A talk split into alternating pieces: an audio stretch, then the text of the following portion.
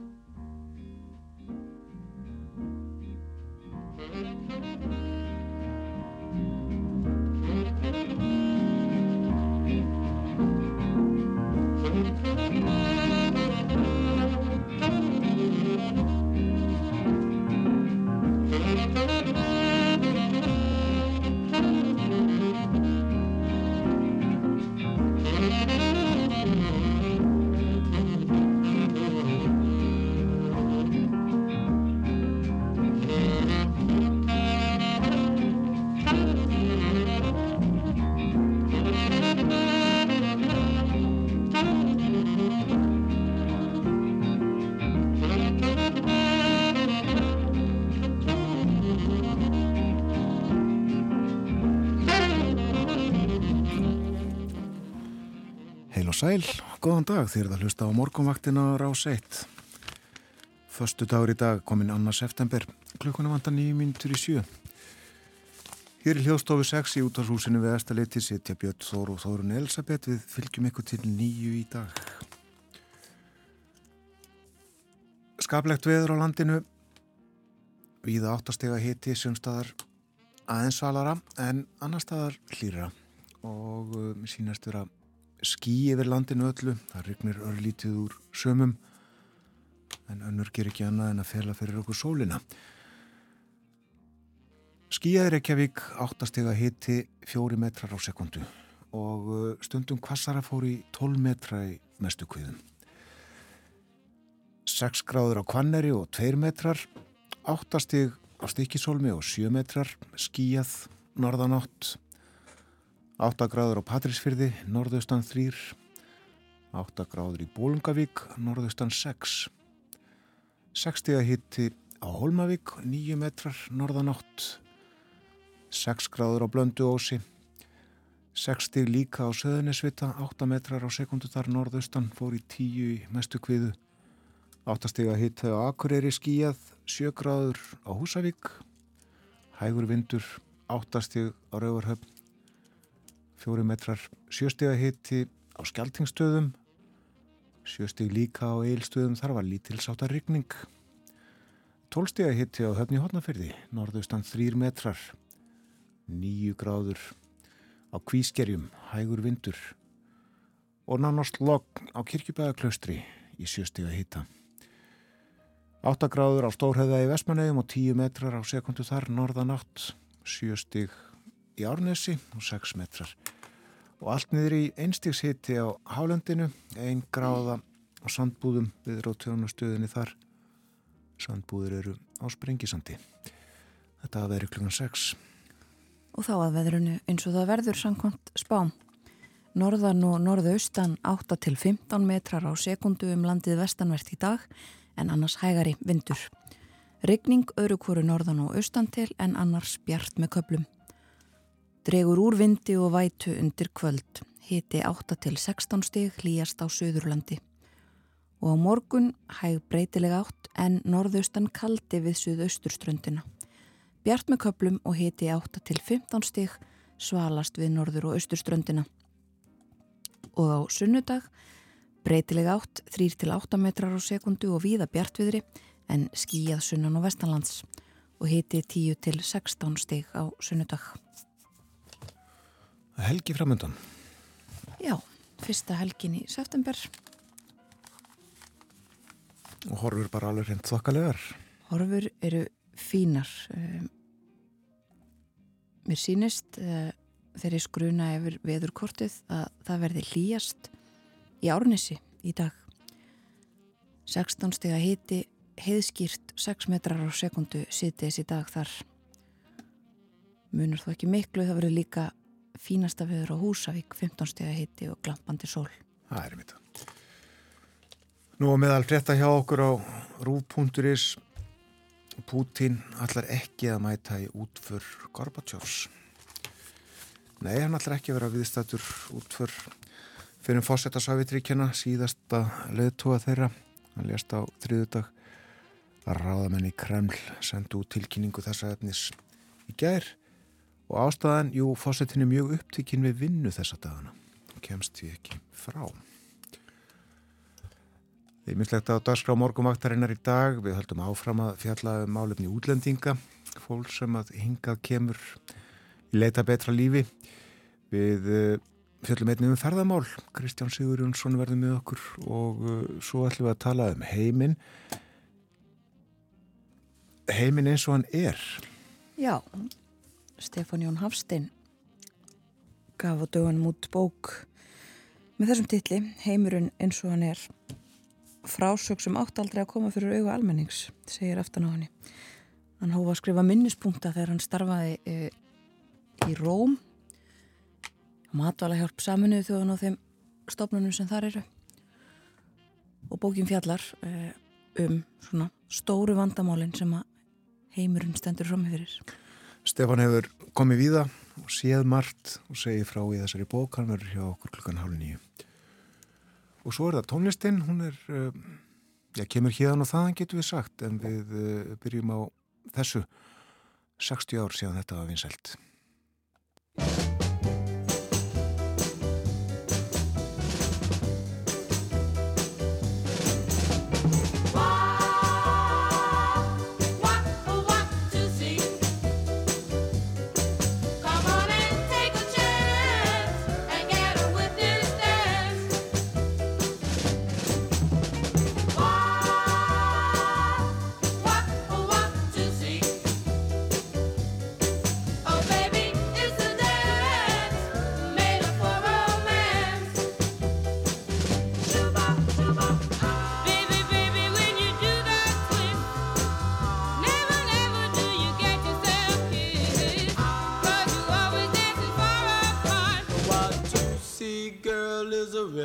Smart.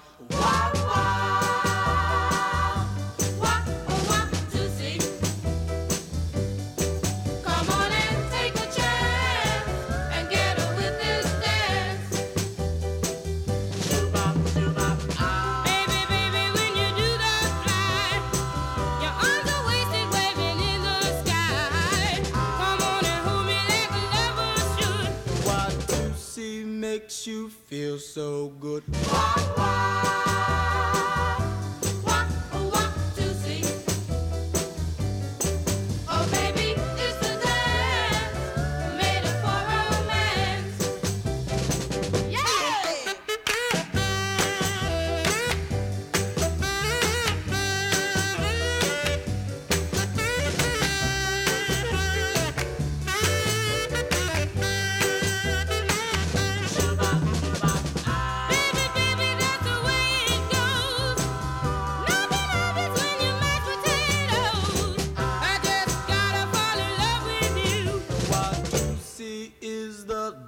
To do.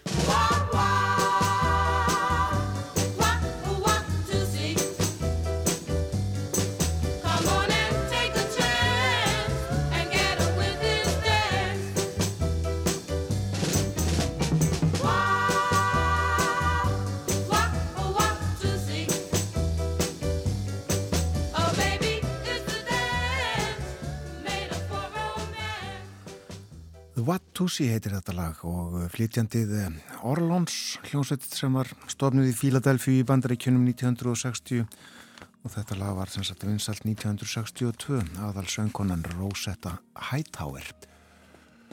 Það líður að fréttum kom eftir mínútu og eh, eftir þær þá fyrir við ítalega yfir efni þáttarins þennan morgunin hlupum aðeins yfir þetta. Hér áður en við heyrðum þennan smell sem við dilluðum okkur við þessar tvær mínútur sem að hann varði. En uh, við má bæta, við ætlum að fjalla um saumavilar já, við segjum sögu saumavilarinnar á eftir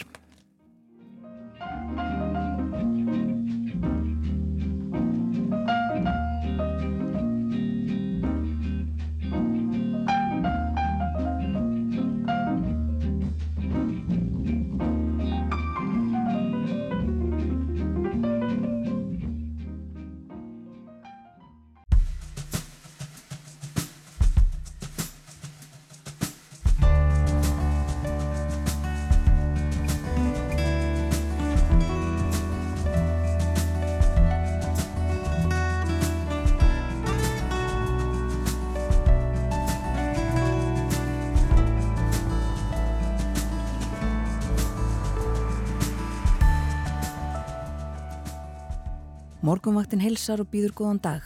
Í dag er förstu dagurinn annar september. Málefni útlendinga eru á dagskrálikt og síðustu daga. Þá að auðvelda fólki að setja stað á Íslandi og greiða leið þessin á vinnumarkaðin. Þetta er skoðun talsmanna bæði vinnuveitenda og launþegarsamtaka og hún kemur fram í samantækt Guðrúnar Háldanadóttur sem við útvörpum upp úr klukkan halv átta. Útlendingamálin á dagskrá morgunvaktarinnar. Við höfum aldrei framleitt jafn mikinn mat, aldrei sóað jafn miklu, aldrei gengið jafn freklega á vatn og jörð og aldrei spúði jafn miklu af óhaldlum efnum út í viðskerfin. Aldrei skadað umhverfi og dýralíf jafn mikið og nú. Já, hún er ekki mjög falleg myndin sem Stefán Jón Hafstein dregur upp í nýri bóksinni, Heimurinn eins og hann er. Við ræðum við Stefán Jón um bókina og málefni heimsins alls upp úr klukkan hálf nýju. Og Kristján Sigur Jónsson ferðamála bladamæður verður hér eftir morgun fréttinnar. Hann segir okkur meðal annars frá vandræðum finska flugfélagsins Finner og þau stafa engum af því að flugleiðir félagsins austur til Asíu hafa snar lengst eftir að flug yfir Rúsland var bannað. Umsjónamenn morgunvaktarinnar eru Björn Þór Sjúbjörnsson og Þórun Elisabeth Bóadóttir.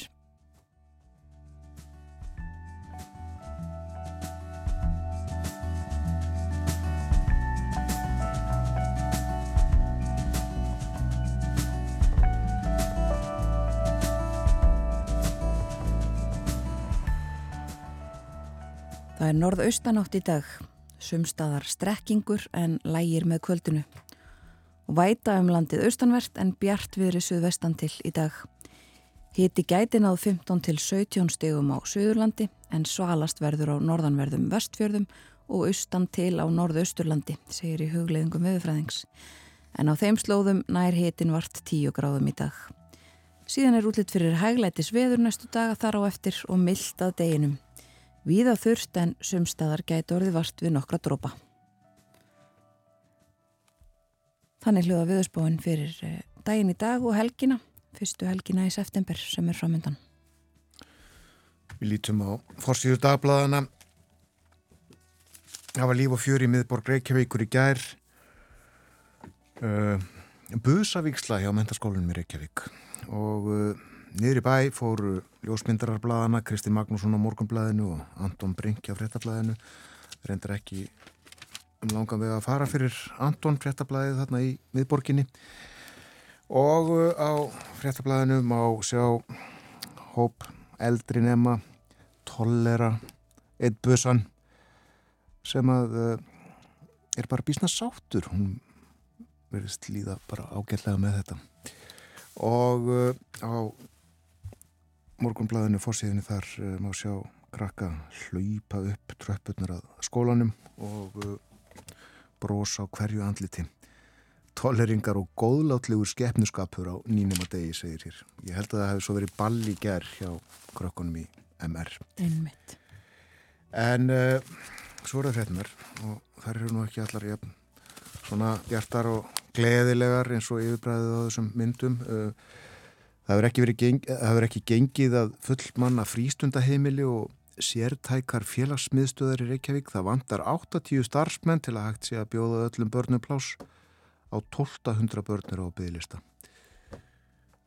Og uh, hér rætt við Hjördi Sirut Sigurjónsdóttur, hún er upplýsingafull trúi á skóla og frístundarsviði Reykjavík og borgar. Hún segir að búið sé að manna 75% starfa á frístundaheimilum og þessum sértæku félagsmiðstöðum. En uh, vantar enn sem sagt tugi.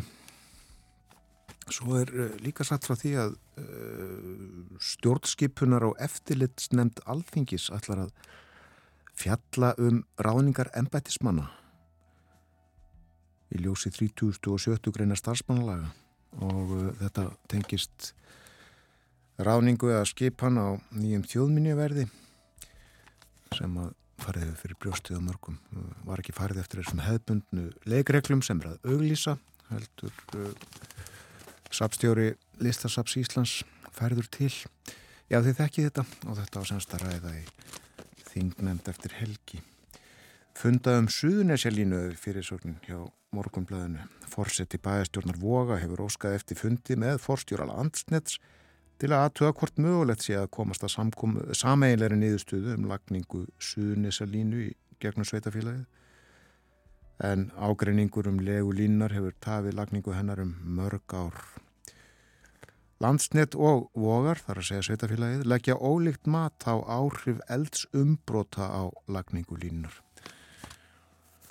Og uh, líkt og við höfum gert hér í þessum þætti síðustu daga að þá fjallar morgunblæðið um útlendingamál gerir það í skýringum inn í blæðinu og umfjöllun og uh, dregnar út frettir á fórstíðunni Og hér segir allt útlitir fyrir að þessu ári sækir íflega 3000 manns um alþjóðlega vernd á Íslandi. Það er nær þrísasinnum fleiri enn í fyrra. Fátt bendir til þessa ströymurinn til landsins mingi í bráð. Og uh, svo er líka fjallan um það að það er ekki hlaupið að því að hýsa þennan fjölda. Og uh, rættir um Gilva, við Gilva Þór Þorstensson sem er aðgerðastjóri teimis um móttöku flóttafólks frá Úkrænu. Það er ekkert laungamál að það er alltaf erfiðara og erfiðara að finna húsnaði til lengri tíma fyrir svona stóran hóp. Það er ekki löpið að því. Þetta það. Þetta voru forsýðunar. Egu við aðurum við förum út í heima að tala um saumavilar. Já, við skulum gera það. Bóðaði hér fyrir fréttinnar umfjöldinu saumavilar. Þannig er að uh, ljósanótt þessi fína menningar og fjölskyldu hátíð í Reykjanesbæ, hún hóst í gær og stendur til sunnudags og það er Marta Dasgrá. En aðtekli okkar var vakin á síningu í Duðsafnahúsum sem byr yfirskriftina Hér sit ég og sauma. Og verða þar meðal hann að síndar saumavilar en byggðasafn Reykjanesbæjar varðveitir yfir 60 saumavilar og svo elsta mun vera frá árunnu 1880 eða þar um byll. Og ef ég hefði verið spurður þá hefði ég nú giskað á að saumaviljum væri yngri. Komir á óvart að sjá þetta og ég fór að lesa. Og í blæðinu Skuld sem að gefið var út á Eskifyrði var árið 1877 auglist til sölu Nótuð saumavill. Saumavel, lítið brúkuð, Víler og Wilson Fabrik sem saumar rétt vel.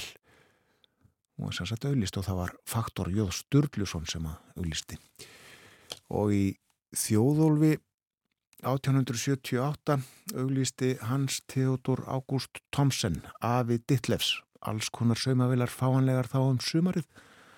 Þær voru danskar og hans lofaði sama verði og buðist í Damörku. En ítalegasta saumavela auðlýsingin frá þessum tímum byrtist í þjóðolfi 1885. White, amerískar stál saumavilar. Gull medalía einnig á heimsýningunni í Amsterdam.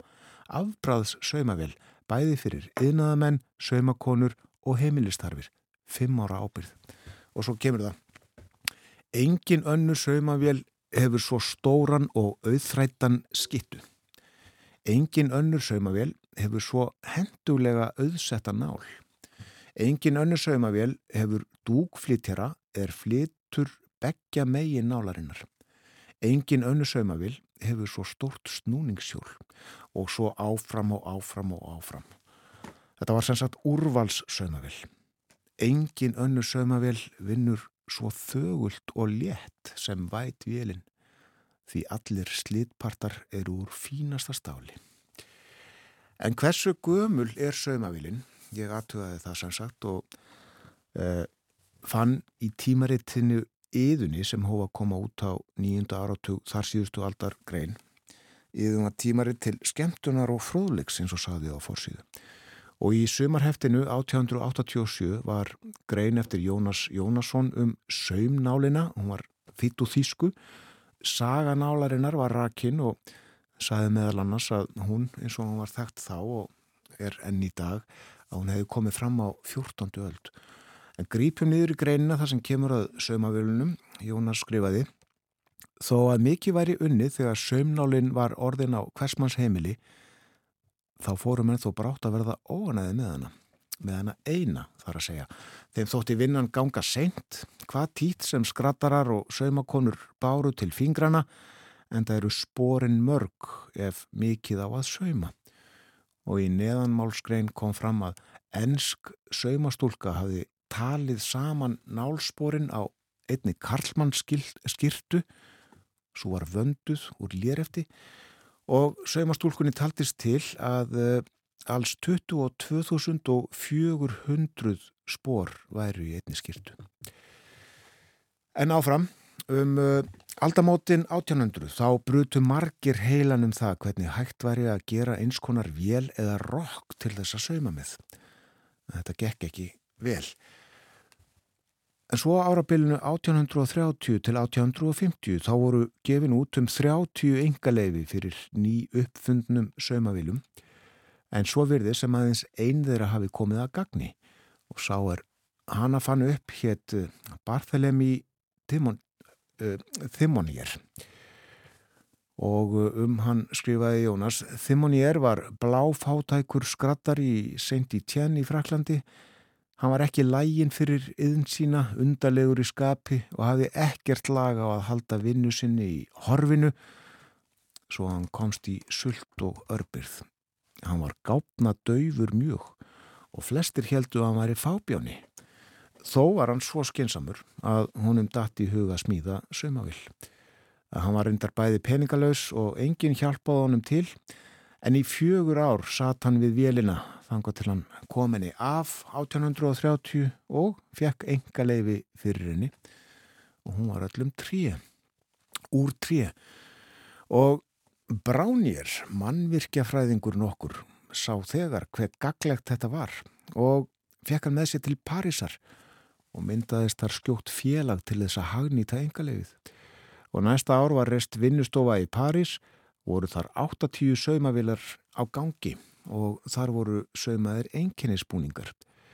En eftir fá mánuði tók fyrirtæki þetta hörmulegan enda verkamönnum í París þótti sem hér var í gerð gangskur að því að svifta sig atvinnu og fæði og einn daginn óð stór vopnaður skrílflokkur inn á vinnustofuna, brautalt og bramlaði og flændi þimmun ég er burt skömmu síðan lést félagi hans og þetta fór allt í skrúuna og Þimmonjér var nú peningalös en 1834 kom hann aftur til Parísar með saumavel sína og reyndi að fá sér þar vinnu með hana. Það gæti ekki hefnast hann fór þá með hana heim aftur fótgangandi á bakinu alla leið frá París til Saint-Étienne og hafði ofan fyrir sér á leiðinni með því að sína saumavelina fyrir fáina skildinga og skildi nú ætla að Þimmonjér væri búin að fá nóg af svo góðu en því fór fjari. Hann fór að smíðaða nýju og var svo heppin að geta selt nokkrar nýjar saumavelar, endur bættar og 1845 fór að líta skár út fyrir honum. Mógnin nokkur gekk í félamiðunum og lánaði honum peninga til þess að hann geti komið og fótt hjá sér vela smiðju og þeir smíðuðu allmarga saumavilar og seldu á 35 krónu stykkið. Allt gekk vel og 1848 voru sveimavilarnar hans orðnar svo fullkomnar að það stungu 300 spór á mínútu og gáttu saumað jæmt lín sem leður og margt úr velinni sem fyrst var öllultrið var nú orðið úr í árni. En þá fór allt á höfuðið. Februar byltingin dundi yfir og félagarnir urði báðir fjöþróta. Þimonier seldi engaleifi spref sitt ennsku félagi fyrir lítinn penning og dó svo nokkrum árum síðar í mestu örbyrð og veseldómi. Já, þetta var uh, saga mannsins sem fann upp saumavelina eins og við þekkjum hérna í dag, tekið úr grein Jónasar Jónassonar í Íðunni 1887. En þá á þessum 40 árum sem að liðið höfðu frá dögum þimmoníer, þar til þessi grein var skrifuð, þá höfðu saumavela vesmiður risið bæði bandaríkjunum og Evrópu og umfangsmest í framleiðandi var Singer í stærstu Singer-vesmiðinni sem var í Bridgetown á Englandi. Þar voru framleitar 150 saumavilar á dag. Mikil þróun og eftir þannan lestur er verðt að minna aftur á saumavélasýninguna í Duðshúsum í Reykjanesbæ í tengslu við ljósanáta háttíðina sem að eh, hófti gert og stendur fram á sunda þar að segja háttíðin síningin örglega lengur. Það þarf fólk eins og þig fyrir fólk eins og mig frá bláa landsböðum að myrstu sjávarstrand frá vel þekktum stöðum út í ókannuð land þarf fólk eins og þér fyrir fólk eins og mér.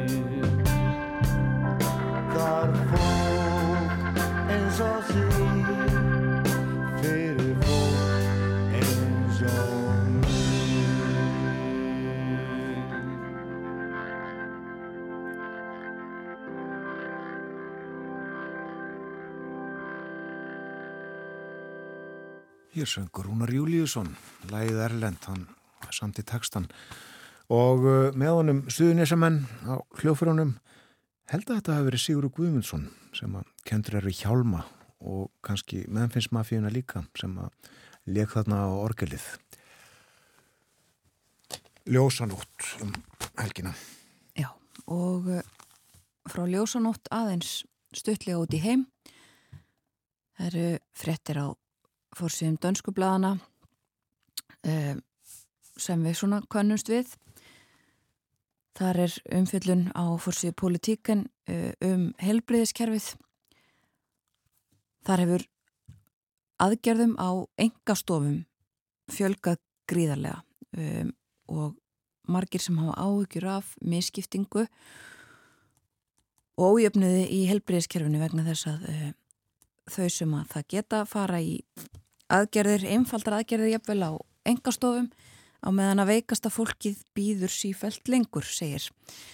Og það er mikill skortur á hjúgrunafræðingum á ofinbörum spítölum og eh, læknar og hjúgrunarfræðingar að lýsi verið áhyggjum af þessu. Þetta gangi ekki svona. Mætti Freiriksen fórsetisráð þeirra búin að opna á eh, umræður um laun hjúgrunafræðinga til þess að halda þeim á spítölunum, segir hér í þessari frett og uh, þetta já sem fyrir segir kunnulegt við þekkjum umræðu söpuðum tóa hér á Íslandi. Og í Svíþjóð er, er fjölmjölarnir auðvitað með hugan við kostningarnar sem eru framöndan eftir rúma viku og breskublöðin þau fjallasum um það að í dag er vona á einhverju áliti í þessu máli gegn uh, Boris Jónsson Partygate sem kallað hefur verið oh. Vissluhöldin hans í dáningstræti uh, og sagt að þetta uh, í dag komið þetta álit og það muni verða áfall fyrir þá sem að reyna að halda þessu máli til streitu já, já. en svo er það bandaríkin Joe Biden held heilmikla ræðu sem að er til umfjöldunar á fórsíðun á New York Times og víðar. Hann uh, sagði þar meðal annars að stuðningsmenn Donald Trump fyrirverandi fórsetta ógni líðræðin í bandaríkjunum. Fór hörðum orðum um stuðningsmenn Trump. Í þeirra rauðum væru öfgamenn sem að ógnuði líðræði og hann kvatti bandaríkjumenn til að streytast á móti þeim öflum sem beri út legar og neiti að horfist í augu við ósigur í líðræðislegum kostningum og hann fór víða í þessari ræðu sinni. Nú hefðum við auðvitað frettir af því að það var reynd að uh, ráða að vara að fórsetta Argentínu af dögum uh, í dag uh, og uh, það tókst ekki. Uh, það stóð eitthvað á bissunni sem að beint var að hefða hennar. Og uh, svo er það þetta sem við nefndum á hann með Pútín. Hann allar ekki að mæta í jarðaför, útför Gorbatsjós fjallaðan þetta líka víða í útlöndum uh, sagt á Forsíðu Guardian meðal annars að þetta sé mikil ja, vannvirðing verði áliti sem slíkt. Uh, Gorbatsjó fær ekki heldur ofinbera jarðafur og þetta er í fyrsta sinn uh, síðan Krútsef held ég sínist mér sem að fyrirverandi leðtogi fær ekki slíka útfur Já, Já Pútín er vist upptekinn í vinnu. Já, uh, þetta er kannski óhætt að segja að það sé nóg að gera hjá honum uh, og kannski þá við ljúkum einmitt þessari stuttu yfirferð á því að nefna að uh, þetta teimi sem að er núna að skoða stóra kjarnorkuverði í Úkrænu sem að rússar hafa náðu sitt band. Þau segja að það sé augljóst að það hafi orðið fyrir skemdum og ástandi þar sé ennþá ótryggt. Annar dagurinn sem að þessari rannsókn þar að hefjast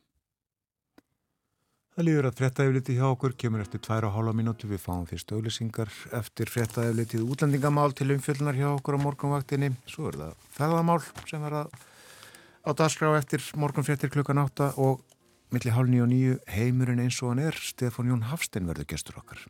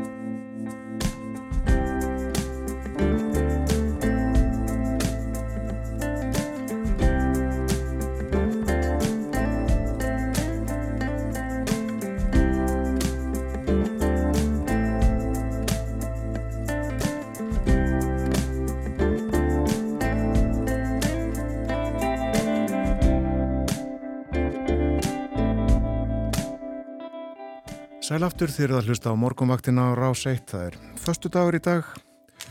Fögnum því, annar september, klukkan réttliðilega hálf átta. Förum yfir veðurhorfur dagsins. Spáinn, hvernig er hún? Norðan og norðaustan 8 til 15 metrar á sekundu um landið vestanvert í dag. Það er nokkuð kvast.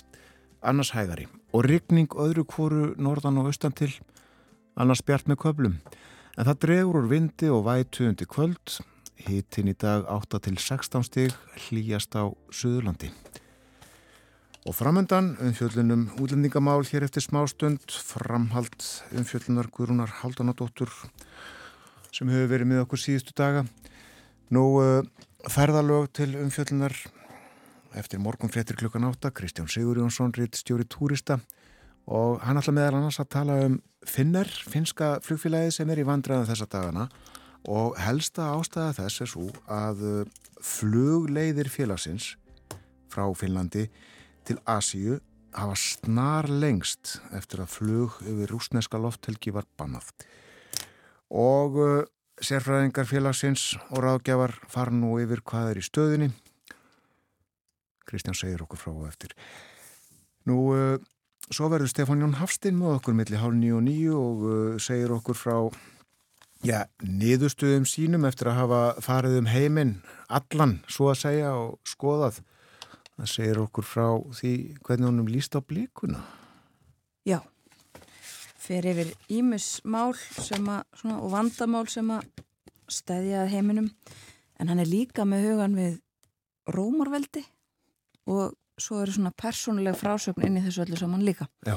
Stefán Jón verið hjá okkur klukkan hálf nýju. Hann eru þetta komið víða við, var í stjórnmálunum og fjölmilunum og uh, stýrðiði mitt uh, þessum þætti, ef við getum sagt sem svo, morgun þættinum á ráseitt uh, ríkisútarpinu fyrir Já. 40 árum. En uh, nú að þessu. Á hverju ári kemur hingað fjöldi fólks frá útlöndum sem vil setjast hér að og vinna ekki þó hlaupið að því og það þótt vinnufúsar hendur vandi. Þetta skýtur skökku við að maður til fulltrúa alþýðusambandsins og samtaka atunulífsins sem eru viðmelendur Guðrúnar Haldunadóttur í umfjöllunum þessa hlið útlendingamála þennan morgunin. Með meira svigrúmi sé hægt að auka hér lífskeiði og draga þetta úr ólöglegri vinnu. En já, Guðrún hefur síðustu morgna fjallað um lög um útlendinga og fyrirhugaðar breytingar á þeim og hún beinir í dag sjónum að vinnumarkaðunum. Viðmælendur hennar eru Guðrún Margret Guðmundsdóttir hjá ASI og Haldur Benjamin Þorbergsson hjá SA. Undarfarna daga höfum við fjalla hér á morguvaktinni um frumvark til laga um breytingar og útlendingalögum sem ríkistjórnin hefur lagt fram fjóru sinnum án árangus. Jón Gunnarsson, dómsmálaráþara, sæði þættunum á mánudag að það yrði eitt af hans fyrstu verkefnum á höstingi að leggja það fram að nýju með örlittlu breytingum frá því í vor. Í frumvarpinu er aðalega að finna ákvæðu um alþjóðlega vend en líka ákvæðu um atvinnuréttindi útlendinga. Sámálaflokkur tilherir félagsmála og vinnumarkasráðunettinu og var Guðmundur Ingi Guðbrandsson gestur okkar í gerð. Hann segir að í stjórnarsáttmála ríkistjórnarinnar komi fram að lögum útlendinga verið tekinn til endurskoðunar með það að markmiði að ringa útgáfu dvalarleifa á grundvelli aðtunni þáttöku. Jafnframt sé verið að skoða hvort bæta eigi aðgengi flótafólks að íslensku vinnumarkaði. En aftur af frumvarpinu. Sankvæmt 21. grein þess á fólk sem fær hér dvalarleifi á grundvelli mannúða sjónamiða eða sérstakra tengsla við landið að fá sjálfkrafa aðtunréttindi hér. Til þess að flækja máli aðeins þá þarf að taka það fram að þetta er ekki breytingar lögum um útlendinga frá árinu 2016 heldur á lögum um atvinnuréttindi útlendinga frá 2002. En þau lög falla eins og áður sagði undir félagsmálaráðanettið. Svo virðist sem bæði ríkistjórnin og stjórnaranstaðan telli tímabært að gera breytingar á atvinnuréttundu fólks sem kemur frá ríkjum utan evróska efnaðasvæðisins en það nánast ógerningu fyrir það að fá réttindi á íslenskum vinnumarkaði. Guðrún Marget Guðmustóttir fer með málefni innflytjanda á íslensku vinnumarkaði hjá Alþýðusambandi Íslands og Haldur Benjamin Þorbergsson er framkvæmda stjóri samtaka atvinnulísins. Velkomin. Takk. Takk fyrir. Teljið þið að í frumvarpinu sé næjanlega vel tekið á því að auka atvinnutækifæri útlendinga? Já, við einmitt sendum inn umsög við hjá Alþýðsambandinu um þetta mál og tilgreyndum að við værum bara að tjá okkur um 21. greinina sem er einmitt um þetta mál og þar leggjum við til, við erum að sjálfsögðu sammála þessu að því að þetta er í raun og veru bara lógist. Ég meina fólk sem er komið dvalarleifi fái atvinnleifi strax, sem sagt, og bara það, það fylgi hreinlega. Við legðum hins vegar til að stjórnvöld mættu bara sko í raun og veru taka ell eftir greinina alla og, og kannski velta vöngum yfir því hvort að það eigi bara að gera því sama fyrir aðra hópa og meðal annars umsækjandum alþjóðlega vend og, og þólendum mannsals og, og þá sem eru hugsanlega þólendum mannsals og fleiri hópa, svo leiðis að já, við vorum mjög sammálað þessum en vildum í raun og veru kannski benda stjórnvöldum á að skoða þetta enn lengra. Og ég held að það sé svona áþekk nálgun okkar megin ef við byrjum kannski á hennu almenna áður en við förum inn í því sértækja þá likur fyrir að við þurfum að fjölga fólki á vinnualdri á Íslandi á næstu árum og það er einn sama úr hvaða átt við erum að nálgasta ef við skoðum það út frá breyttir í aldursamsetningu þjóðarinnar og svo framvegis þá likur fyrir að við þurfum að fá fólk alls konar fólks til að sinna alls konar störfum á næstu árum og áratugum. Og allt sem við gerum eða lögjafinn gerir á að auðvelda það ferli til framtíðar. Hvað áhærir þetta sérstaklega tiltekna frumvarp? Þá likur fyrir að það var ríkur stuðningur við þessar breytingar sem að laður var fram á þingi. En einhvern veginn virðist að enda með þeim hætti að umræða um útlendingalög á alþengi er rosalega tormelt mm -hmm. þar að segja, hlutin er virðast daga uppi aftur og aftur og aftur. Inn í þessari lögju veru fjöldi aðnara þáttar sem að bent hefur verið á að eitt að skoða eh, en, en ráþarann ákveður að takmarka sig við þetta tiltekna atriði sennilega í því augnamiði að að myndi klára sem það gerði síðan ekki. Eh, nú er að hefast nýtting og við hljótum að leggjast öll á áraðnar til þess að tryggja framgang þessum áls Hefði þið þá vilja ganga enn lengra en gert er í frumarpinu? Ég held að það sé óumdeilt og aftur ef við skoðum bara umliðin ár og ég hefði lengra aftur en við verðum líka að hafa í huga að við verðum að leysa þessi mál eða setja þau áþægt ferli og á hinnum Norðurlöndunum. Þetta er tafsamt ferli víða, ekki bara hér, líka á Norðurlöndunum sem við byrjum okkur sama við að mjög miklu leiti En já, það hefur verið skoðun samtaka atvinnilegsins lengi að við höfum að auðvelda fólki að koma til landsins og inn á vinnumarkað. Það er í raun forsenda þess að við getum staðið undir þeim lífskeiðum sem þó ríkir þjóðasáttum að við ætlum að auka verulega á næstu árum og áratugum. Ég held að við séum í raun og veru í grundvallar aðunum alveg sammála þessum að við þurfum fleira fólk hingaðinn og þurfum að flytja fólk.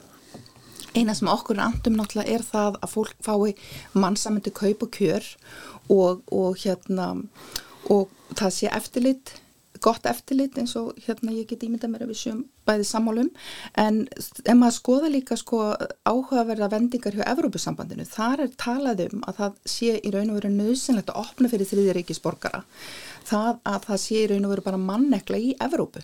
Þannig að ég get ekki ímynda mér að þetta sé einhvern veginn öðruvís að hátta hér og þau sem sagt e-túk, hérna svona alþjóða, nei hérna evróska verkefliðsreifingin, hún tekur undir í raun og veru er svona með supi sjónum og við, allt í lagi, gott og vel, það verður bara tryggja það að fólk fái örugavinnu og réttindin séu virst.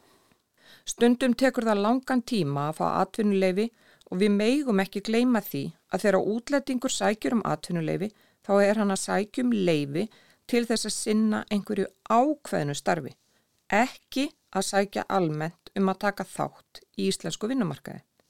Þetta hefur orðið til þess að þegar að svarið kemur loksins þá er lungu búið að ráða eitthvað annan í starfið og ekki síst þegar um lálaunastörf er ræða. Er þá ekki hætta á að fólk endi í ólöglegri vinnu þar sem kvorki starfsmæður nýja vinnuveitandi greiðir lögbundi gjöld til samfélagsins. Ja, eflust gerir það það sko og við getum annars vegan alkast þetta út frá einstaklingnum sem kemur hingað í leita betra lífi fyrir sig og sína fjölskyldu og við um að sjálfsögða styðja fólki þeirri viðleitni. Við getum líka gert það út frá sem við getum kallað eigin gerðnari vingil sem er vingil þjóðarbúsins. Atvinnuleysi á Íslandi er ekki neitt, það vantar fólk og staðan er mjög svipuð víða í Evrópu. Það má orðita með þeim hætti að í kapplöpi vinnur sá sem hleypur hraðast og á næstu árum og áratugum liggur fyrir að svo þjóð að þær þjóðir sem ná að snýða regluverki með þeim hætti að hæfileika fólk, uh, þriðjalands hæfileika fólk geti komið til landsins, búið fjölskyldu sinni gott líf og eignast starfsframa í því landi, það eru löndin sem að hinn löndin munu öfunda í framtíðinni. Mm -hmm. Þetta eru löndin þar sem að fjárfestingin og mentunin mun á að blómstra og maður sér teiknolofti mjög víða að mannekla á öllum sviðum aturlífsins og mannlífsins er að fara að verða okkur já, fótakefli.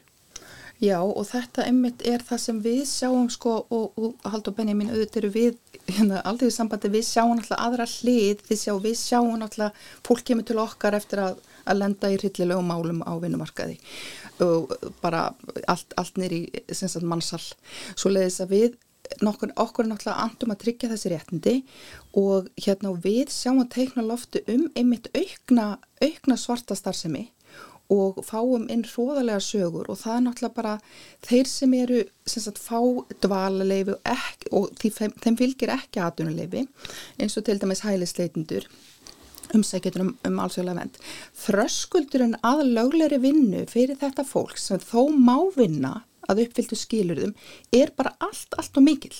Þannig að þú veist, ef ég á bara segja ykkur það að fólk ímyndið ykkur hérna hælisteitndag þú kemur, um, þú þarft að upp þú þarft að hérna, leggja fram skilríki. Það bara í, í eðli sínur erfitt fyrir fólk á flóta þið vitið, þú þarft að uppvísa það þú þarft að hérna, gefa upp húsnæðið þitt og fara á henni almenna markað. Þar þarfstu kannski að greiða eitthvað tryggingu eða fyrirfram, við sjáum hvað það er vonlaust. Þú þarfst að greiða sjúkratryggingu 30 skall, 15 krónu kostar hérna, að sækjum umsóknu og eins og þú myndist á áðan, Guðrún, að þá þetta er ekki háluna störf sem fólk er að fá. Til vitið, þetta er kannski bara uppfaskar á staðið eitthvað svoleiðis, þannig að vinnan eftir þessa nokkru viku til nokkra mánuða sem að tekur að, að hérna, afgreða þessi bráðabræða leifi er löngu farin. Þannig að maður setur sig bara í spór mannesku sem er búin þó það dugleg að leggja þetta allt á sig loksins ertu komið leifið og þá er ekki vinnan þannig að þú ert algjörlega á square one, þá þarfst að byrja bara upp og nýtt svo sem maður ímynda sér að þetta, er, þetta skapar svona mikla fóstrasjón. Ég held eins og er sko margt af, því, margt af þessu móti sannsvegar færa. Við erum hins vegar að horfa á miklu víðara samhengi, miklu breyðari flóru mannlífs, fólks með alls konar bakgrunni. Við hefum lesið fréttir af því að þessu læknar, sprenglarði læknar að vinna í þjónustustörfum þar sem við fá ekki mentun sína metna og þess vegna leggir svo ríka áhersla og við erum að tala um alla flóru mannlífsins við erum að tala um verkfræðinga, við erum að tala um lækna við erum að tala um kennara og svo framvegis mm -hmm. við þurfum að fá fólk frá þessum löndum með alla þessa þekkingu mm -hmm. og til þess að við getum tekið á mótið til þess að við getum metið mentu þeirra og svo framvegis þá þurfum við held ég að fara aftur inn í þessa ferðlokkar inn í þessi kerfi okkar sem virðast vera mjög tafsum sér í lægi í þessu málaflokki En Guðrún, eða þú talar um mannsal, eru að koma upp um, slík mál meðal fólk sem er hér að sækja um alþjóðlega vend eða eh, eru, hafa fengið alþjóðlega vend? Já, það hafa komið og þau koma, líka, þau koma fram bara fólk hreinlega leita til stjættafélagana eða, eða er bara komið, við, við erum með sem sagt svona í vinnustæðeftilitinu, þá erum við með svona tjekklista og þar kemur stundu fram grunnsemtir bara fulltrúana uh, sem koma á staðin grunnsendur um mannsal og þið vitið þetta mannsal lagalega skýrt, skilgrend mjög þröngt, við viljum líta á það aðeins í stærra samiki og ef ég má aðeins bregðast við það sem að, að Haldur Benjamin var að segja, sko mín afstæð hér er náttúrulega ég er með pínu þröngt sjónam og ég viðkenni það vegna þess að ég er náttúrulega dægin út og dægin inn að, að skoða mál þar sem er virkilega svindlað á fólki, þið vitið ákveðin misnendings, þannig að ég viðkenni það auðvitað er mitt sjónar og öll lítið þröngt. En, en var, ég var að lesa um þetta áhugaverða greiningjar uh, um það að við erum komin upp í 23,3% af vinnumarkaði launafólk á Íslandi eru fólk að rendum uppruna. Og þá eru við held ég ekki að telja fólk með íslenska ríkisborgarétt og það, er, það eru teiknalofti eða sem sagt það lítur út fyrir að þetta verði komið upp í 27% eftir bara fáin ár. Þannig að ég er hjartanlega samála því það þarf að skoða þetta í miklu miklu víðara samingi og við þurfum að þrýst á ríkistjórnina að vera með sko alvegur stefnu í þessum málaflokki. Þess að þetta gengur ekki, við erum stefnulegs í raun og veru. Hvað segir þú Haldur? Ég tek undir þessar tölur eru, þetta er hárið ett, þetta er um það byrj fjórðungur vinnumarkaðarinn sem er á ellendu bergi brotin og mér finnst mjög gaman að horfa ára tíin í framtíðina mm, hvernig verður þetta eftir 20-30 ár? Þetta sé ekkit ólíklegt að vinnumarkaðarinn verði kannski 40-50% fólk að ellendu bergi brotin og hvernig er samfélagi stakk búið fyrir það? Þetta er ekki spurning um hvort þetta muni gerast. Eina spurningin í mínum huga er með hvaða hætti og ætlum við að hjálpa þessari breytingu að eiga sér stað eða ætlum við að berja skegninni og svar mitt er algjörlega afdráttalust að eina rétta leiðin er að vinna með breytingunni og tryggja að það verði samfélagslega sátt að til lengri tíma því að tölunar munu bara halda áfram að hekka sko. Akkurat og við tölum um, um það einmitt í þessu samengi að við þurfum og við, við gerum okkur fulla grein fyrir þessari framtíð og en, en hugsum um sko veikustu hlekkina. Þið vitið þannig að þið horfið á einkennismerki ASI þá er það keðjan. Og við erum alltaf að, við verðum að hugsa um þessa veikustu hlekki vegna þess að annars bara endur við í samfélagi þar sem við verðum og, og, við, og, og eru vísbendingur um að gæti verið að gerast að við verðum bara með þjætta undirstjætta fólki. Og sérstaklega náttúrulega líka út svartri atvinnustarfsemi, við má aðeins taka hann upp aftur, að þá eins og þessir hælisleitindur sem að byrja í svartri atvinnustarfsemi þið vitið, einhvern veginn finnastu hafa engra aðra kosta völ. Um leið og svo farið ríkisborgari sem fjöl margir fá þetta er fólki sem lendir í okkar samfélag og verður, verða Íslandinga með tímunum að þau eiga svo erfitt ef, þau, ef, þau, ef þetta slæma uppeldir í gangið, svo ég vísi góðan við eins sem vinnur í kerfinu, að þá er svo erfitt að komast inn á henni löglega markað og þá einhvern veginn nýtur ekki þeirra réttinda sem við launafólk gerum. Þannig að það er svo alvarlegt að mm -hmm. þetta mhm. snýr alltaf, alltaf að pæli með þetta undirlag. Sko. Og síðan auðvitað bara, við búum í fjölþjólu samfélagi og til allrar hamingju eigum við vini og jafnvel ættingja sem að eiga erlenda maka og svo framvegs og þetta er alltaf að færast nær okkur.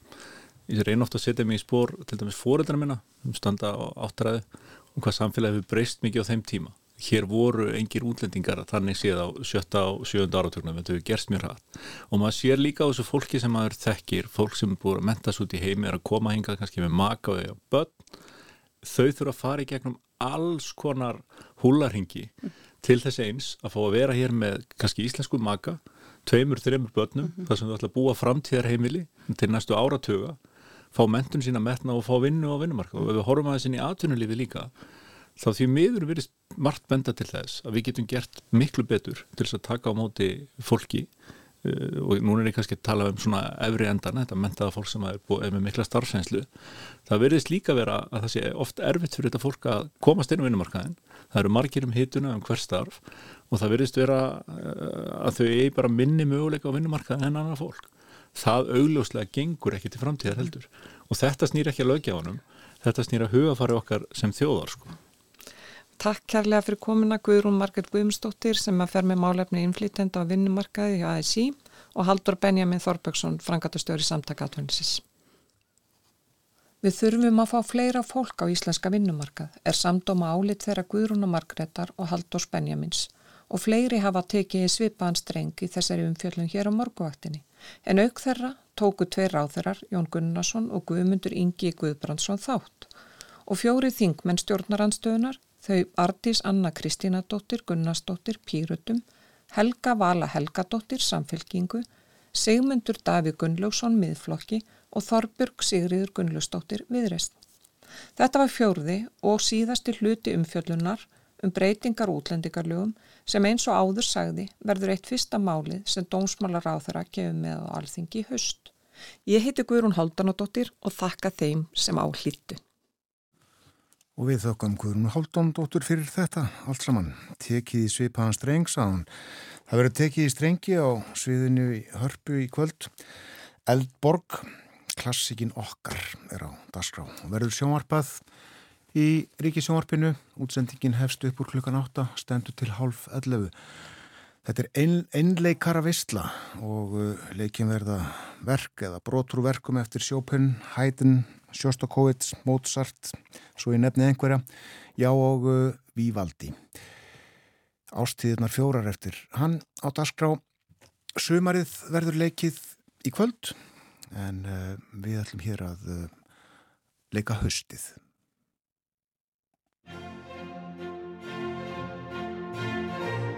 Música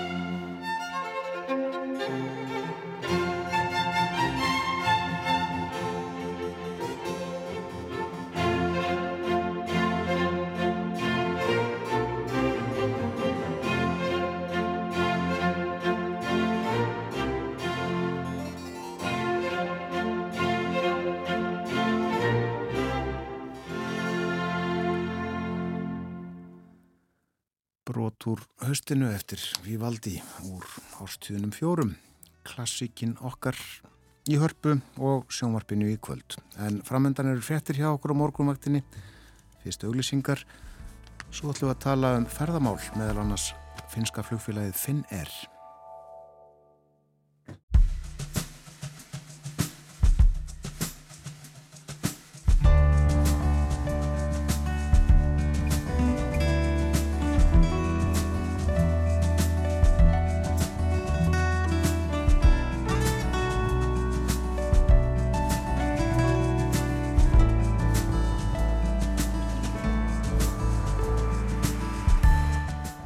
Sæl aftur þegar það hlusta á morgunvaktina á rás 1. Það er förstu dagur í dag komin annars september klukkan 6 mínútur gengin í nýju. Og tæp klukkustund eftir að morgunvaktinni þennan morgunin. Útlendingamál á dagskrá hér fyrir fréttir og uh, framöndan um fjöllunum ferðamál. Og svo verður hjá okkur upp úr hálf nýju Stefán Jón Hafstein. Við ætlum að tala við hann um sín hans á heiminn. Já. En nú já, ferðamálinn. Það er ímislegt að gerast í þeim eins og venjulega og við ætlum að byrja á að tala við Kristján Sigur Jónsson, rittstjóra túrista um eh, Finnland, finska flugfélagið Finn Air. Góðan dag Kristján.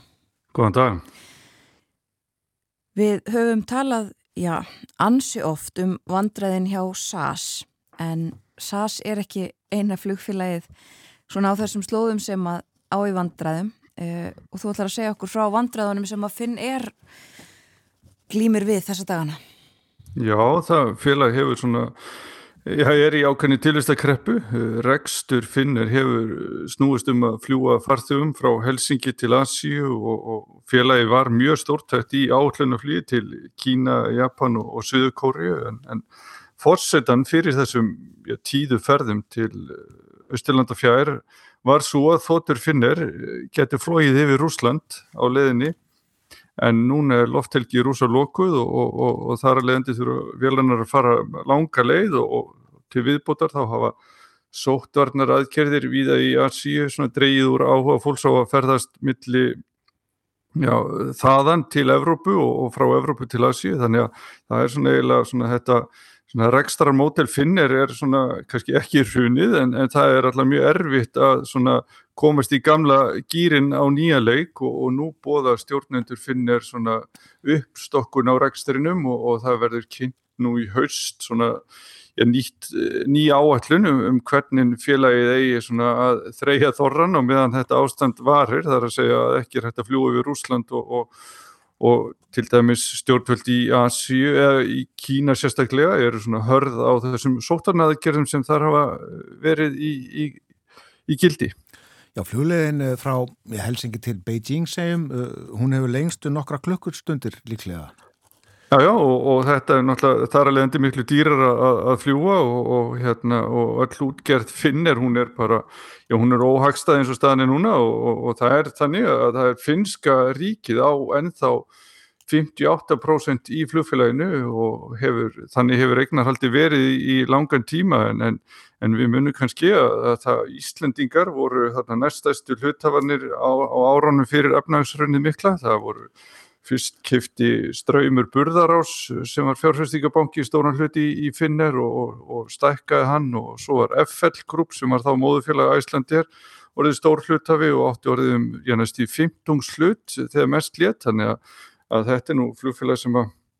já, svona íslendikar töpuðu tölvöru fyrir á hérna á sinu tíma en, en, en það er einmitt svolítið erfitt að vera hluta við þá í, í finnir í dag því að félagi hefur líka verið að fjárfæst í nýjum langdragum flugvélum og, og hefur verið að svona reyna að koma þeim í, í svona nótkunn með því að fljúa til og frá Stokkólmi til Bandaríkjana núna í ég síðustu misseri en, en félagi ætlar að hætta þeirri útgerð núna og, og tilkynnti vikunni að tilstæði að hefja beint flug frá Helsingi, Stokkólmi og Kaupmannahöfn til Katar og í samstarfi flugfélag fyrstadæmisins og, og fartjar getur þá nýtt sér ferðir Katar áfram til annar Asíulanda og Eyjálfu en, en þetta, er, þetta er svolítið flókin stað greinlega hjá finnunum. Já, Já þú nefndir að uh, Íslandingar áttu hluti í félaginu fyrir nokkru talsverðu.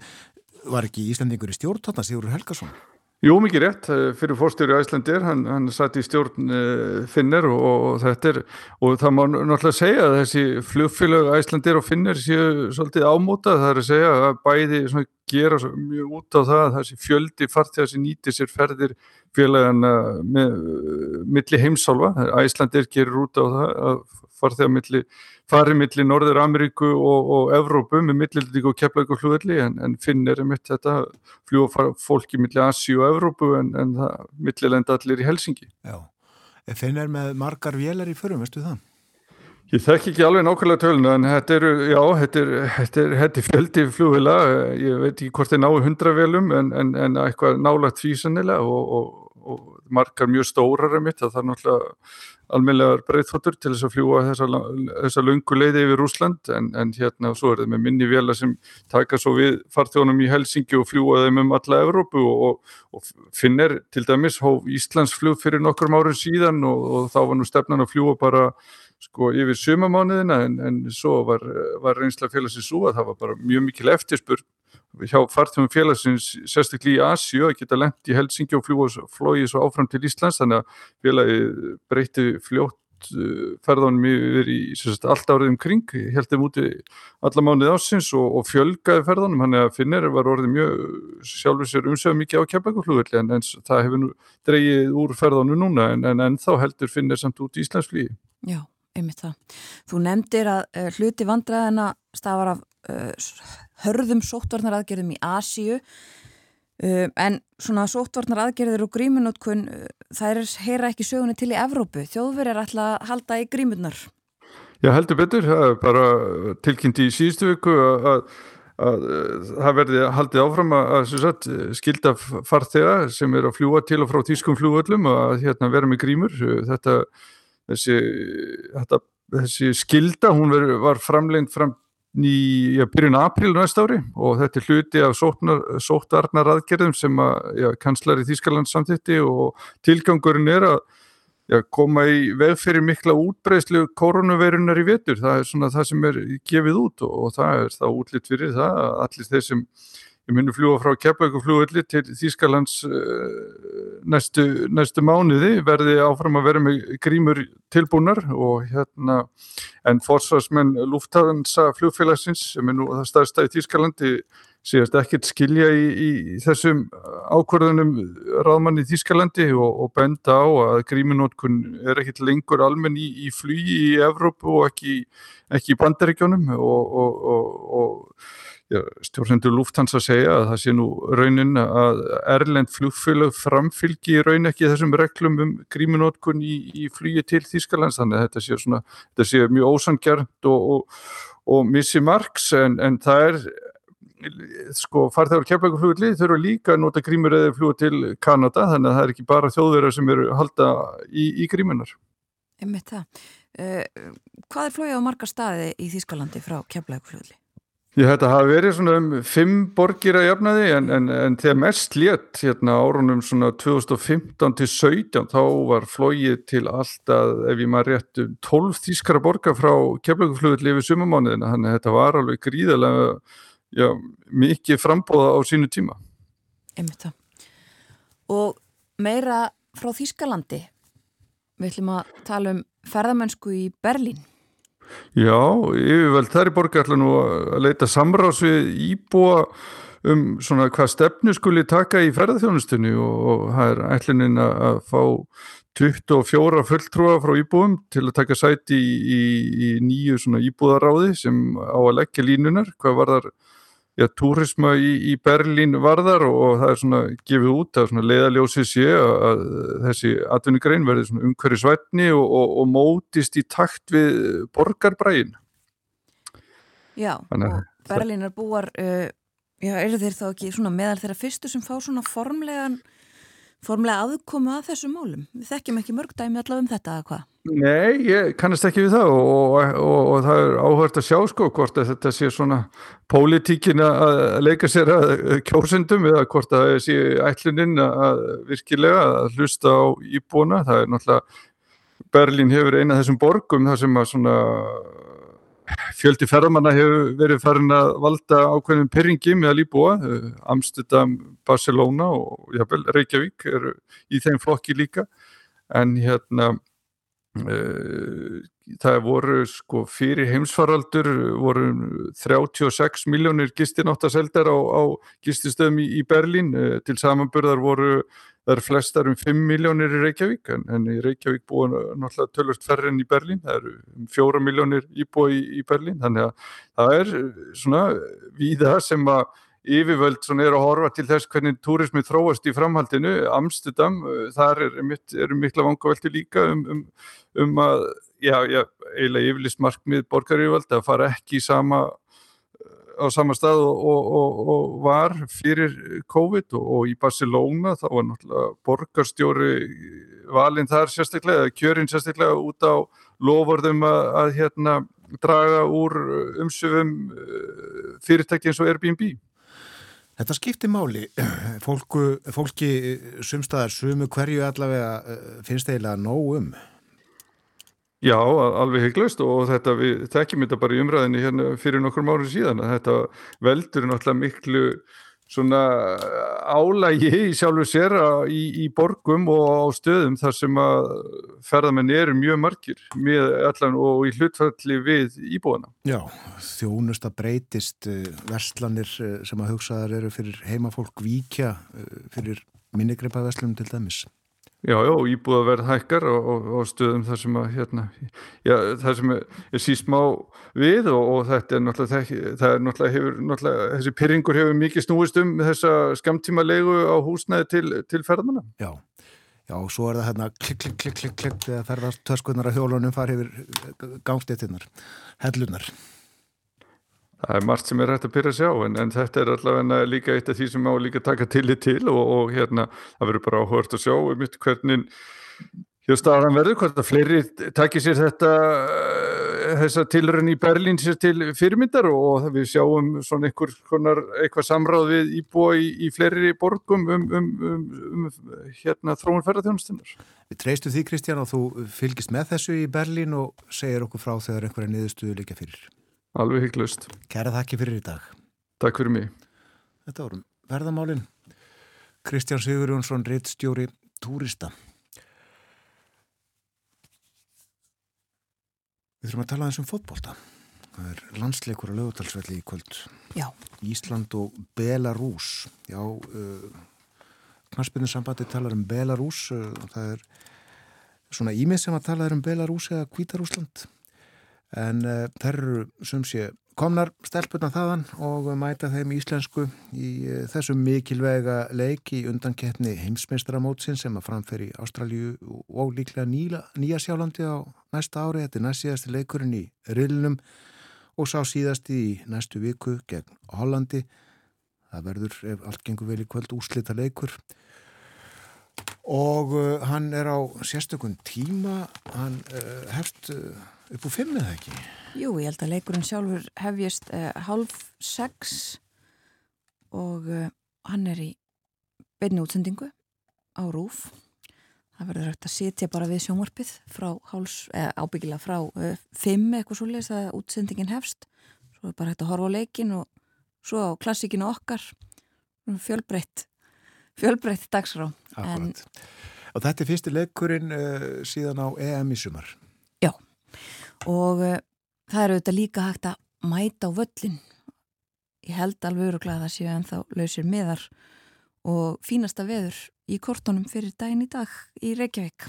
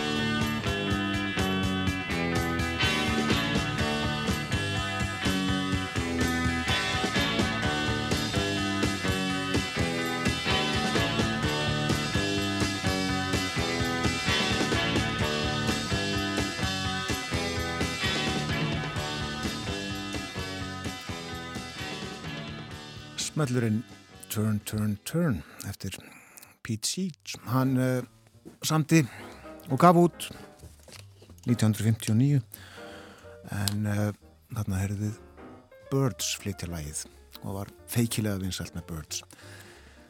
Veðurhorfur dagsins eru svo hljóðandi norðan og norðaust, norðaustan 8 til 15 metrar uh, þannig verður landið, uh, veðrið um landið vestanvert, uh, annar staðar hægari vindur og það mun rigna við og við norðan og austan til bjart annar staðar með köplum þó. Og það dregur úr vindi og vætu í kvöld. Og hitti í dag 8 til 16 stíð það verður hlýjast á Suðurlandi. Komist við ekki að því Þórun Elisabeth aðan að það verður einna hlýjast í Árnesi Jú, gæti ekki betur séð þegar ég skrunaði yfir uh, kortið á veðveðustofunar en að besta veðrið verði þar. 16 steg að hiti klukkan þrjú í dag heiðskýrt. Og uh, austan 7 metrar á sekundu fínasta veður. Og svo klukkan 5 þá verður nú næstu jafnlít á Húsavík. 15 steg að hiti þar verður eiginlega lokn Stefán Jón Hafstinn er að koma sér fyrir við borðið hjá okkur. Við ætlum að tala við hann um heiminn, heiminn eins og hann er. Það er titill bókar sem að koma út núna á dögunum. Já, uh, Stefán hefur víða komið, séð margt og segir frá í þessari bók. Það er ekki allt fallegt eins og við svoðum frá í kynningu hér fyrir morgun. Nei, meir um það hér á eftir það er komið að frétta yfirliti frá fréttastofunni.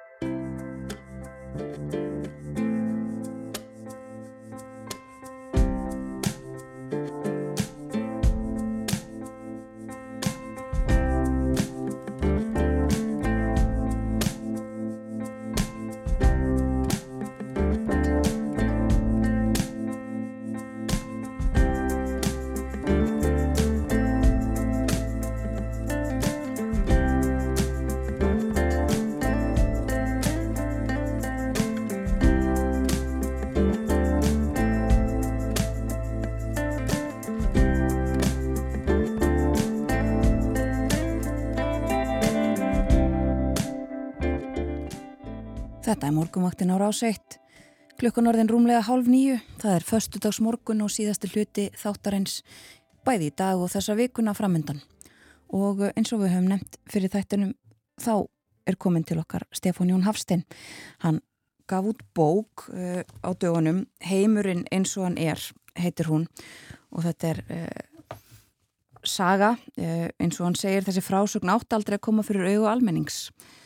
Hann byrjaði að skrá hjá sér minnispunkta þegar hann var að taka við nýju starfi í Róm fyrir uh, fjórum árum og inn í þetta fléttast líka persónuleg saga. Við ætlum að einbeta okkur í dag að uh, svona stóru myndinni, heiminum eins og hann er. Velkomin á morgunvaktina og til ham ekki með bókinu. Já, takk.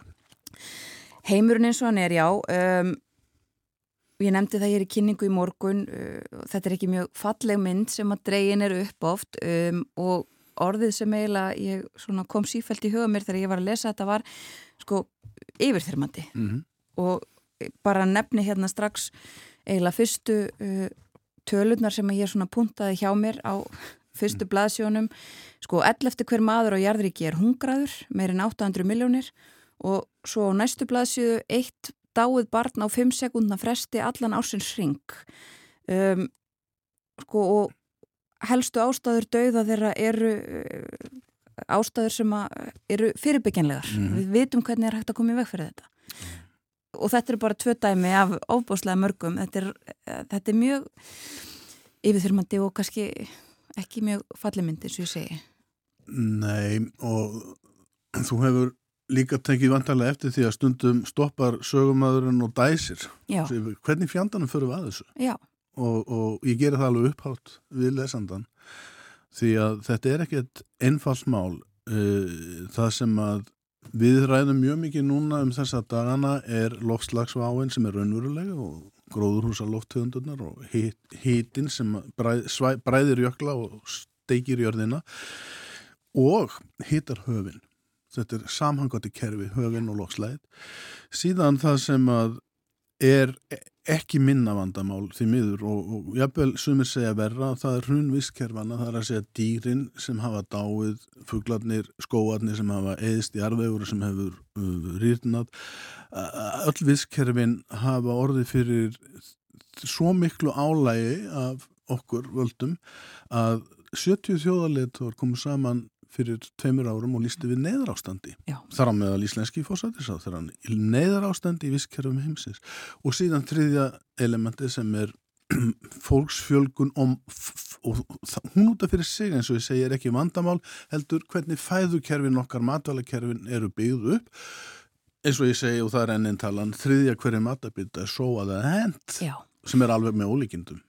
Það er alveg með ólingindum eins og þú segir uh, og sko það var einhverstað líka held ég, hvað var það uh, 900 miljón tonni eða hvað einhver ofbáslega tala af mat sem er hent og það er sama, uh, sama tala og fjöldi hungraðra. Já, og þessi, þessi þegar maður horfist í augu þessar tölur og ég var svo heppin í raun og veru að, að stór hluta mínu starfi með að ég var starfað sem sendir að Íslands hjá FAO, matvælastofnunni og World Food Program sem er matvæla áallinni. Þá var undibúningur í gangi fyrir stóra matvælar ástöfnu saminuð þjóðana sem var fyrir akkurat einu ári núna. Þannig að maður var í raun og veru í miðjunni af öllum helstu umræðunum um það sem að öllir helstu sérfræðingar heimsins og kunnáttu fólk koma að borðin og rætti saman og lagði spilin á borðið. Svona er þetta. Já.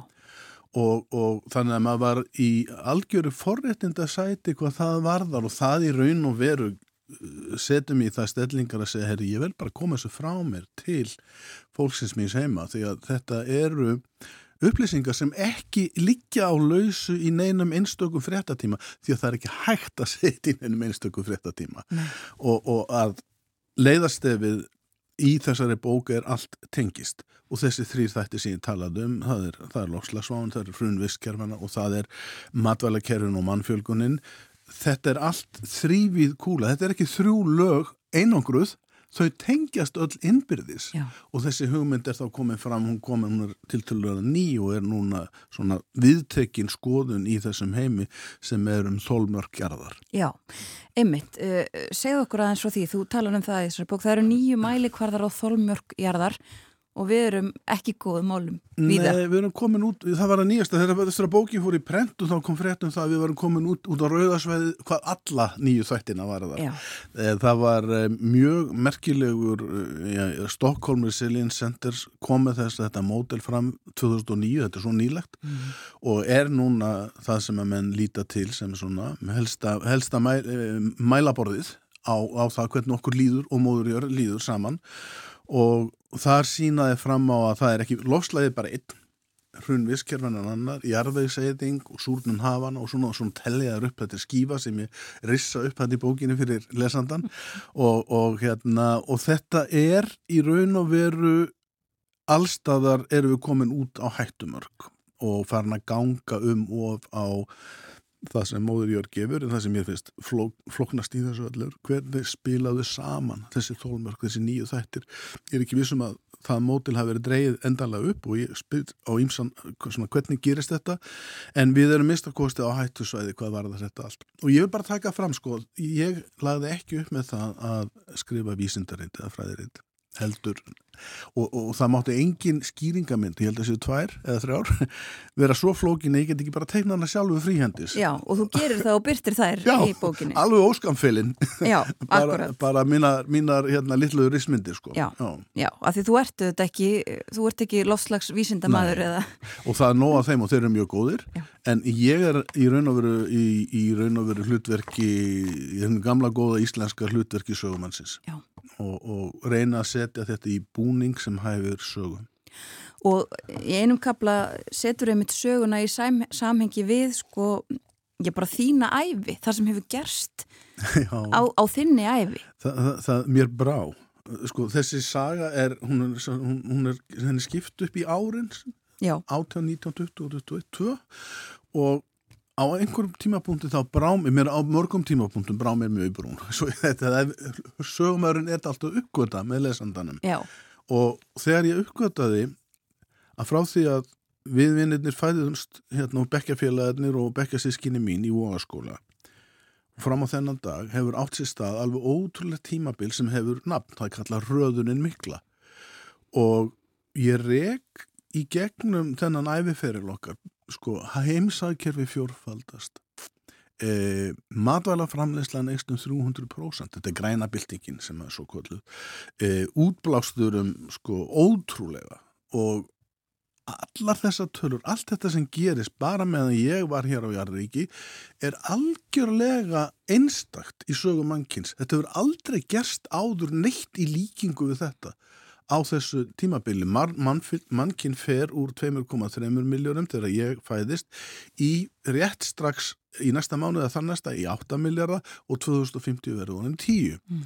og þetta er, þetta er, að, það er ekkert í líkingu við þetta hefur nokkuð tíma gerst og bara til að klikja á því að þau kerfi okkar sem eiga að stjórna heiminum alþjóðustofnaninnar og pólitísku kerfin, líðræðiskerfin okkar og stjórnunarkerfin og hagkerfin þau hafa aldrei staðið frammi fyrir viðlíka vanda heldur. Nei. og þau eru í raun og veru eins og ég segi úralt já, þau eru úrelt. Þú talar svo litið um alþjóðastofnanirnar sem þú auðvitað hefur mikla þekkingu af, hefur starfað innan alþjóðakerfisins. Um, og eins og segir stjórnmólin uh, talar um populisma, þú talar um stjórnarskrána í íslensku á einhverjum stað og svona. En sko það skýn svolítið í gegn, þú ert auðvitað ekki ánæði með stöðu mála innan þessara kerfa sem þú verið unnið uh, sko, ertu búin að missa trúna á þessum batterjum? Nei, það, nei, alls ekki en það eru, það eru í, í mikil tókstrita í mínum hugamarkar annar að segja til að og í, bara ég vitna, ég get vitna í Antonio Guterres sem aðalritar aðalfrankvæmdastjóra saminu þegar hann skrifaði í dag, í vetur, grein sem ég vitni í þarna hann kom akkurat inni þegar ég var að ganga frá. Um, stofnanir okkar eru lamaðar og þar eru í í eins konar spennitreyju málamilana, við sjáum þetta í lofslagsmálunum, við sjáum þetta í spennitreyju valdbeitingar. Þegar COVID-faraldunum byrjar og þá er löð fram til að og gúð þeirra sleggur hana fram um að það veri allsir að vopnalli í heiminum meðan faraldunum gengur yfir.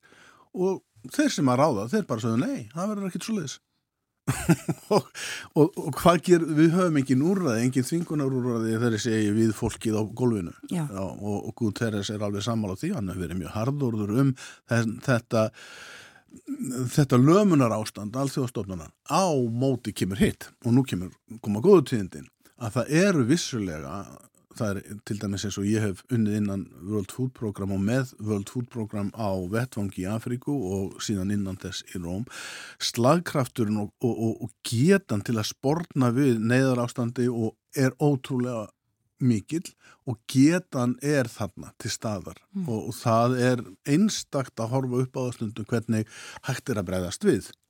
Við erum líka með aðra stofnanir, ég fylgst með því að eh, til dæmis að fá býrið við greiðarlega mikill þekkingu en kannski ekki alveg þekkingu á því hvernig henni komið á framfæri. það, er, það er annað Já, og uh, ég fylgst með til dæmis störfum UNICEF, barnaheilla og barnahjálparinnar og, og annara í, í Afríku. Þetta eru gríðarlega þung kerfi og það er erfitt að vinda ofan að þessu og ég spyr mig stundum og ég lefi mig bara að spyrja hvers vegna eru næstu 40 stopnarnir saminuðu þjóðana þurfum við allar þessar stopnarnir Já. Og, og, hérna, og það má ekki nefna eina sem ekki þörfa og því hún er alveg öruglega sinna mjög þörfu málefni en kannski ekki endilega með þeim árangri sem ég hefði talið að þetta vera. En þetta er, þetta er ekki vandin vandin er ójöfnurinn í heiminum valdbeitingin, gríðaleg valdbeiting þeirra ríku og þeirra sem eiga vopnin þeir ráða. Já. Og hinnir sem ekki ráða korki yfir peningum, vopnum, nýja valdi valdastofnunum, þeir eru náttúrulega botninum og það er megin þorinn Akkurat og þá erum við mitt komin inn á annað sem er svona ég stef í gegnum þetta allt saman sem er ójöfniðurinn og það um, er ekki síst uh, sko staðin í loslasmálunum að það- er ekki allir jafn sekir í því hvernig fyrir okkur er komið. Nei, nei. Og, og segir, sko, sko, það, það, það er, ég held sér, já, það er svona jákvæð viðleitni í, í bókinu og við það sem, sko, skilgrinni bara lofslæði sem sameila auðlind jarðarbúa. Ég er ekki að tala um manna, bara manna, heldur allra sem lifa. Það Akkúrat. er mjög mikilvæg. Þessi sameila auðlind, það verið gengið mjög mikið á hana ef við ímyndum okkur að þetta sé ekki endalist þetta blás út. Og það er talað þarna sem ég fannst alveg stórkosleg og upplýsandi að í sögulegu samingi þá hefur nattræna norðrið eins og að talað um blásið út 92% af því sem blásið hefur út nattræna söðrið 8% Já. og þannig að þeir sem tók út af reikningnum voru, eru við sem höfum verið gæti gott og þegar kemur til skiptana því, því sem eftir er hver er eiga að fá þá og um það er þessi pólitíska deila þegar við sjáum loslasraðstöndun og menn er að heimta skadabætur fyrir það sem hefur verið tekið og líka hjálpa þeim að ná meira af sínum því sem eftir er má blás út. Já. og þetta er svona eitt e, það er annað sem að mun koma að mjög vaksandi þunga inn í þessa viðra umræðu og það er raun visskerfana hún þetta er ómótmælanlega staðn og þegar ég sá á mínu líftama bara þannig að ég var lítill nýjára í nýjára bekki byrkti mynd, bekkja myndina og skóla þegar voru manna litli krakkar. Við vissum það ekki að þá var sjötta útrýmingin að hefast, það er kallað sjötta útrýmingin í hröðuninu miklu já, sem er að 70% af plöntum og dýrum hefur eitt meðan ég hafði, var hérna. Við þessi krakkar í, í voðaskóla inn í Járabekk 70% og, og sko maður stendur bara upp þegar maður skrifur um, ég, það kom oft fyrir maður, eins og sér sögumæðurinn dæsir og, og rífur reytir hársist í örvendingu en þetta er starinn sem við verðum að horfast í augu við og, og líka þetta sem er svo fáránlegt einhvern veginn að við framleiðum alla þennan mat með öllum þessum tilkostnaði og við skulum ekki einu sinni ná að metta alla og henda einum þriðja já. og sóa. Það er eiginlega ógeðslegt er eiginlega bara orðið yfir það. Já, það er svo margt ógislegt og ég nota orðið eins og grimd. Já, já. Og þú talar einmitt, sko, og eins og þú ert búin að nefna líka, þú auðvitað hefur reynslu frá uh, já, mörgum ríkjum Afriku og þar er, uh, er þessi staða hvað verst, uh, hungrið og þú talar um, sko það er alltaf 40% barna á uh, ákveðnum svæðum sem eru sko vakstarskert vegna Vannaring. vannaringar. Já.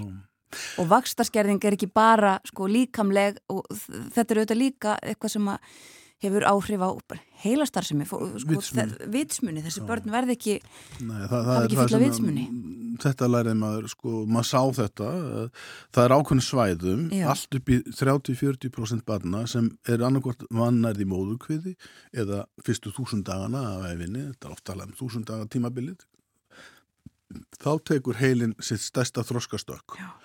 og ef að næringar efnin, þroskin er ekki þar, þá verður það ekki bætt með lísi og háragröð síðar. nei. Og þarna er uh, mesta fólksfjölgunin og verður. og verður og þannig framtíðar auður mannkins í mannauði sem fæðist inn í þetta Já. fyrirkomulag sem er mjög ógmænlegt í mínum huga og þess vegna er ég svona ein, líklega einhver heitasti talsmaður skólamáltíða sem þú heitir Já, það er bara svo beinskeitt og markvis aðgerð að, að, og ekki bara skólamáltíða heldur maður að vend þar á undan já, já. Þar höfum við Íslendingar nú verið að uh, svona einblýna svo litið er það ekki í þróunar Ég, ég, sérstaklega í Malawi Já. við tvíliða aðstofan bæði beinsta maðuramend og skólamáltíðum Já. og við getum alveg búið höfuð hátt með það. Já. Í því landi höfum við náð að setja mark okkar á, Já, á starfið. sko við eh, förum svolítið um víðan völl. Þetta eins og þú segir, þetta tengist allt saman og þetta um, blandast allt saman. Um, og við töluðum um alþjóðastofnaninnar áðan og eitt af því sem að hvað þú talar líka um eru heimsmarkmiðin. Þessi hálitu heimsmarkmið saminuð þjóðuna þar kemur nú þetta inn sko hungrið. Um, áformum að uh, það sé búið að útrýma hungri árið 2030 Eftir átt ár. Já, okkur gengur ekkert með það eða hvað Ég, ég, þegar ég kom hann og fór að hlusta og taka þátt í öll þessar ástunum um ræðum allt þetta, þá hugsaði ég 2019, hvenær allir menn fara að viðurkenna að það heimsmarkmiði náist ekki? Af því að þá voru menn alltaf að segja, við meðum ekki gleyma því að við erum að halda áfram.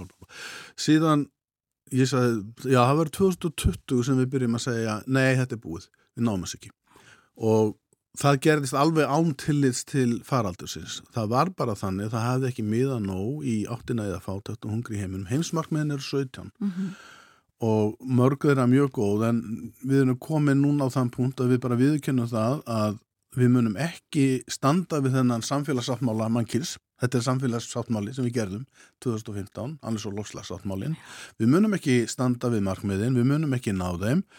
Uh, ég held að það hefur verið innbyggt í, í þau frá upphafi en það er auðvitað dónaskapur að segja það í við pólitíska hérna, fulltrúa.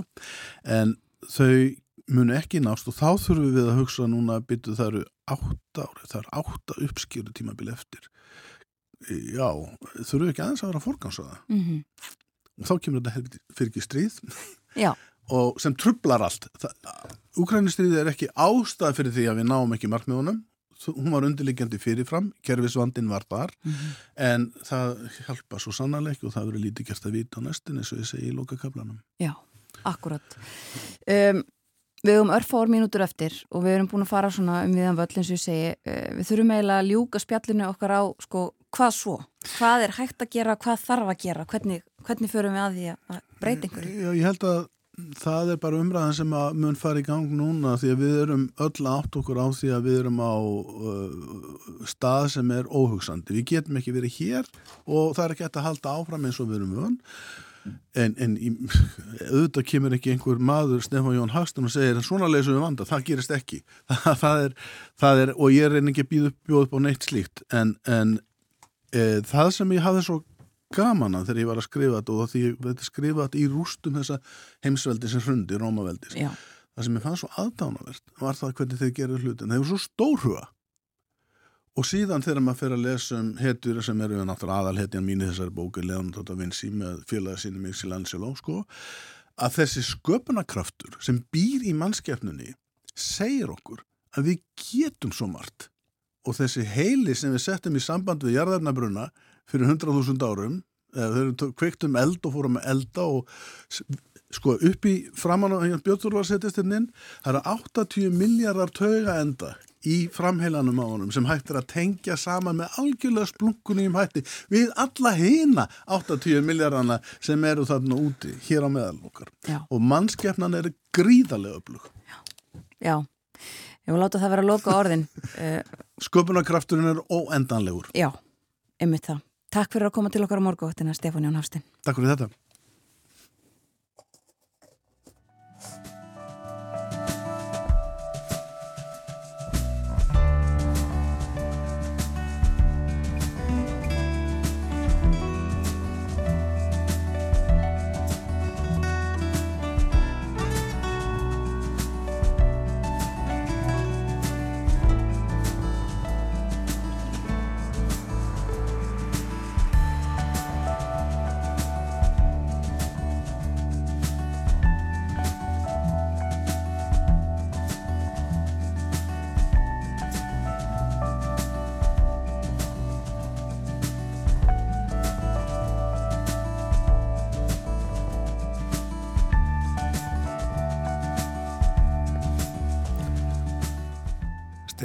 Hafstinn var hjá okkur. Hann satt hér fyrir 40 árum eins og við nefndum fyrir morgun, stýrði þá þessum þætti, morgun þættinum hjá Ríkisútvarpinu og uh, nú fjallaðan um heiminn eins og hann er og fór aðeins inn í höfuðið á mér. Já, maðurinn er með meirinn 80 miljardar taugaenda í heilanum. Markvallt fleiri en aðrir apar. Svo ég grípi niður í bókinu. Það eru margir taugaðendar. Já, þetta er eina fjölmörgum tölum sem að uh, settar eru fram í þessari bók. Við nefndum þó nokkrar þeirra í þessu spjalli okkar. Það nefna eitt í viðbót mannkinn telur 8 miljardar og framleiðir mat sem nægir fyrir 11 miljardar. Samt þarf að auka fæðuframleiðslu um 50% á næstu 30 til 40 árum. Marst skrítið í veröldinni. Já.